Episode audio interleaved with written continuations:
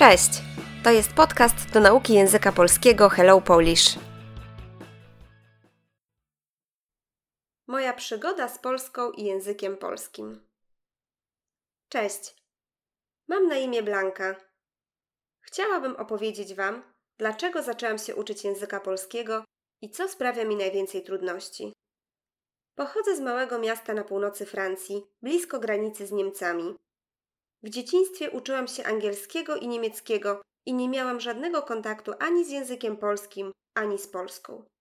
Wiem, że moi przodkowie pochodzili z Polski, ale nikt w mojej rodzinie nie mówił po polsku ani nie jeździł do dawnej ojczyzny.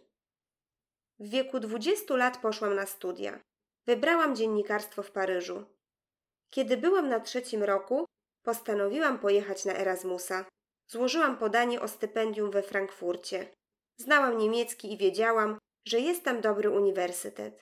Niestety okazało się, że nie ma już wolnych miejsc.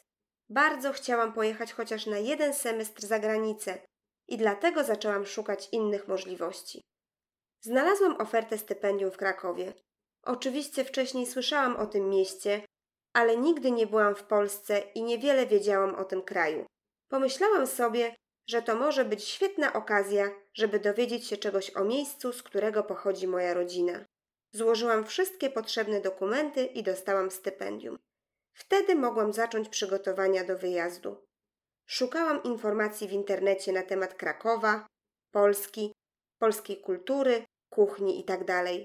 Wiedziałam, że na uniwersytecie będę mogła chodzić na wykłady i ćwiczenia w języku angielskim, ale zastanawiałam się, czy ludzie w Polsce mówią po angielsku, francusku albo niemiecku. Czy znajomość tych języków wystarczy mi, żeby kupić jedzenie w sklepie albo zapytać o drogę? Na wszelki wypadek postanowiłam jeszcze przed wyjazdem zapisać się na krótki kurs polskiego, żeby poznać podstawowe słowa, a potem zamierzałam iść na kurs dla Erasmusów w Krakowie. W Paryżu znalazłam nauczycielkę z Polski, native speakera, i zapisałam się do niej na korepetycję. Poszłam na pierwszą lekcję i wyszłam stamtąd przekonana, że polski to najtrudniejszy język świata. Te dziwne litery, ta ortografia. Po co im Polakom tyle liter, tyle kropek i kresek? Miałam problem z wymówieniem podstawowych słów, ale postanowiłam się nie poddawać. W domu zrobiłam pracę domową, posłuchałam nagrań z wymową i na drugiej lekcji było mi już łatwiej. W czasie tamtego kursu nauczyłam się czytać, dowiedziałam się, jak się przedstawić i poznałam podstawowe czasowniki oraz różnice między mianownikiem, narzędnikiem i biernikiem. Polskie przypadki to dla mnie ciągle trochę czarna magia. No, może teraz już mniej, ale początki były trudne. Nie miałam za to problemów z nauką słówek.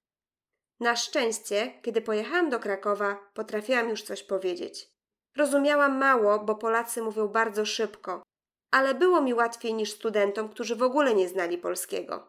Na uniwersytecie i w akademiku, gdzie mieszkałam, wszyscy koledzy i koleżanki mówili po angielsku i to był język naszej komunikacji. Starałam się za to dużo mówić na lekcjach polskiego. To był specjalny kurs dla Erasmusów. Największym problemem dla wszystkich były przypadki i różne nieregularne formy. Jednym z najważniejszych słów w języku polskim jest wyjątek. Zawsze jest jakiś wyjątek. Czasami chciałam rzucić kurs, naukę polskiego. Pytałam sama siebie, po co mi to, skoro spokojnie mogę się dogadać w sklepie czy na uczelni. Ale z drugiej strony było mi bardzo miło słyszeć komplementy ze strony Polaków, którzy byli zdziwieni, że mówię po polsku. To było motywujące, dodawało mi sił i energii do dalszej nauki. Ale Erasmus się skończył i trzeba było wracać do domu. Nie chciałam jednak tracić kontaktu z polskim. Szkoda było zmarnować tyle pracy i wysiłku. Na szczęście miałam już wielu znajomych z Polski. Postanowiliśmy, że będziemy do siebie pisać tylko po polsku i na razie dotrzymujemy obietnicy. Niestety, chwilowo nie mam możliwości, żeby kontynuować naukę polskiego w Paryżu, bo piszę pracę dyplomową i to zajmuje mi bardzo dużo czasu. Ale jak tylko ją skończę, wracam do nauki polskiego. Można powiedzieć, że złapałam bakcyla.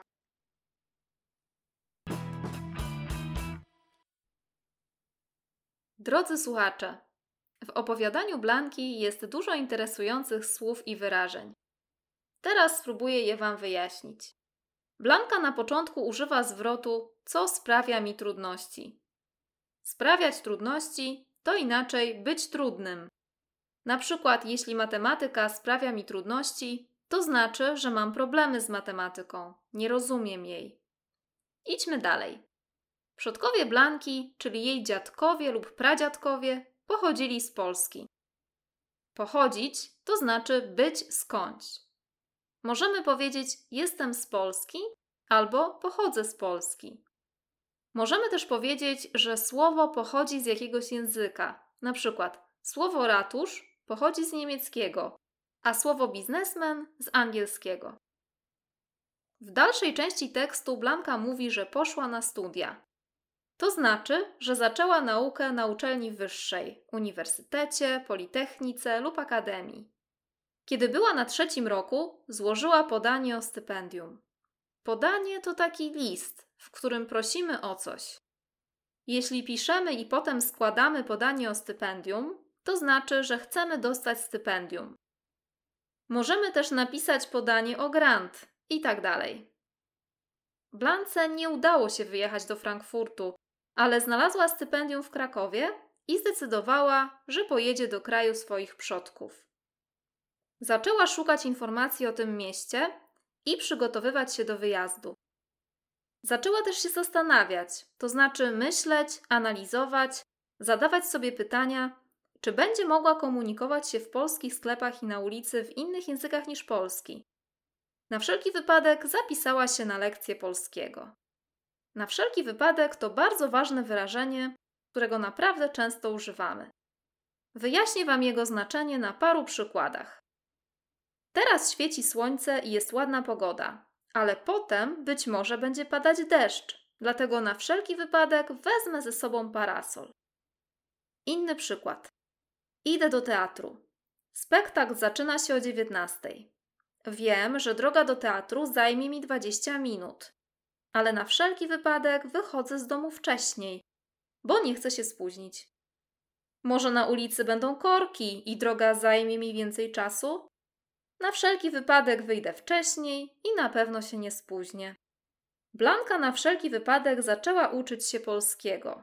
To znaczy, myślała, że być może będzie mogła rozmawiać z ludźmi po angielsku czy francusku, ale może nie. Dlatego w tej sytuacji chciała poznać podstawowe słowa w języku polskim. Idźmy dalej. Nasza bohaterka zapisała się na korepetycje, czyli prywatne lekcje do native speakera.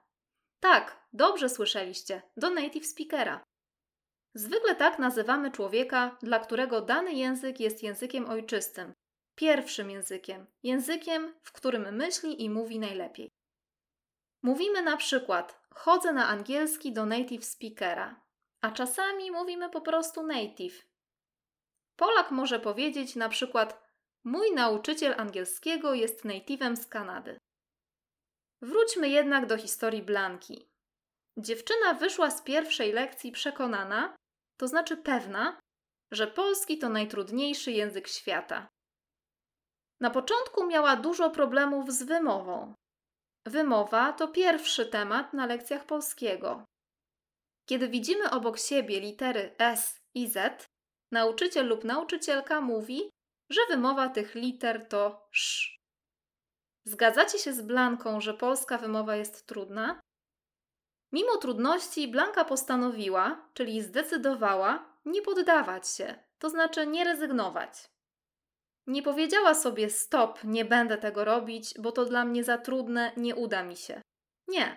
Blanka się nie poddała i uczyła się dalej. Poznała polskie przypadki, to znaczy mianownik, narzędnik i biernik. Pamiętacie? Mianownik to pierwszy przypadek gramatyczny w języku polskim. Odpowiada na pytania kto, co. Narzędnik to ten przypadek, którego używacie, kiedy mówicie jestem Hiszpanem, Rosjaninem, Niemcem albo jestem Ukrainką, Amerykanką, Chinką. Blanka poznała też biernik. Biernik odpowiada na pytania kogo co. Na przykład w zdaniu mam fajną pracę używamy biernika. Czy dla Was to też była czarna magia? Czarna magia to coś, czego nie rozumiemy, co jest dla nas zupełnie obce, niejasne. Potem Blanka opowiada o swoim życiu w Krakowie i mówi, że było jej łatwiej niż innym studentom, czyli miała mniej problemów niż inni studenci, bo już znała trochę polski. W akademiku mówiła po angielsku, ale na kursie dla Erasmusów rozmawiała po polsku. Blanka radzi Wam zapamiętać bardzo ważne słowo, które na pewno wiele razy widzieliście w podręcznikach do nauki polskiego. To słowo wyjątek. Wyjątek to coś nietypowego, coś, co nie jest regułą, jest inne.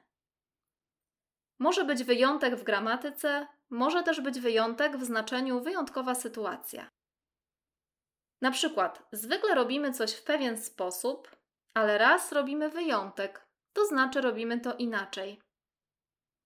Zgadzacie się, że w polskiej gramatyce jest dużo wyjątków? Być może też, tak jak Blanka, chcieliście rzucić naukę, to znaczy przestać się uczyć, powiedzieć sobie nie, nie robię tego więcej, koniec. Blanka dogadywała się z Polakami po polsku. Dogadywać się to słowo potoczne, nieliterackie i znaczy komunikować się. A więc Blanka rozumiała Polaków i oni też ją rozumieli, kiedy mówiła po polsku. Dziewczynie podobały się komplementy Polaków, którzy byli zdziwieni, że mówi po polsku. Byli zdziwieni, czyli nie myśleli, że ona mówi po polsku, i to była dla nich niespodzianka. To prawda.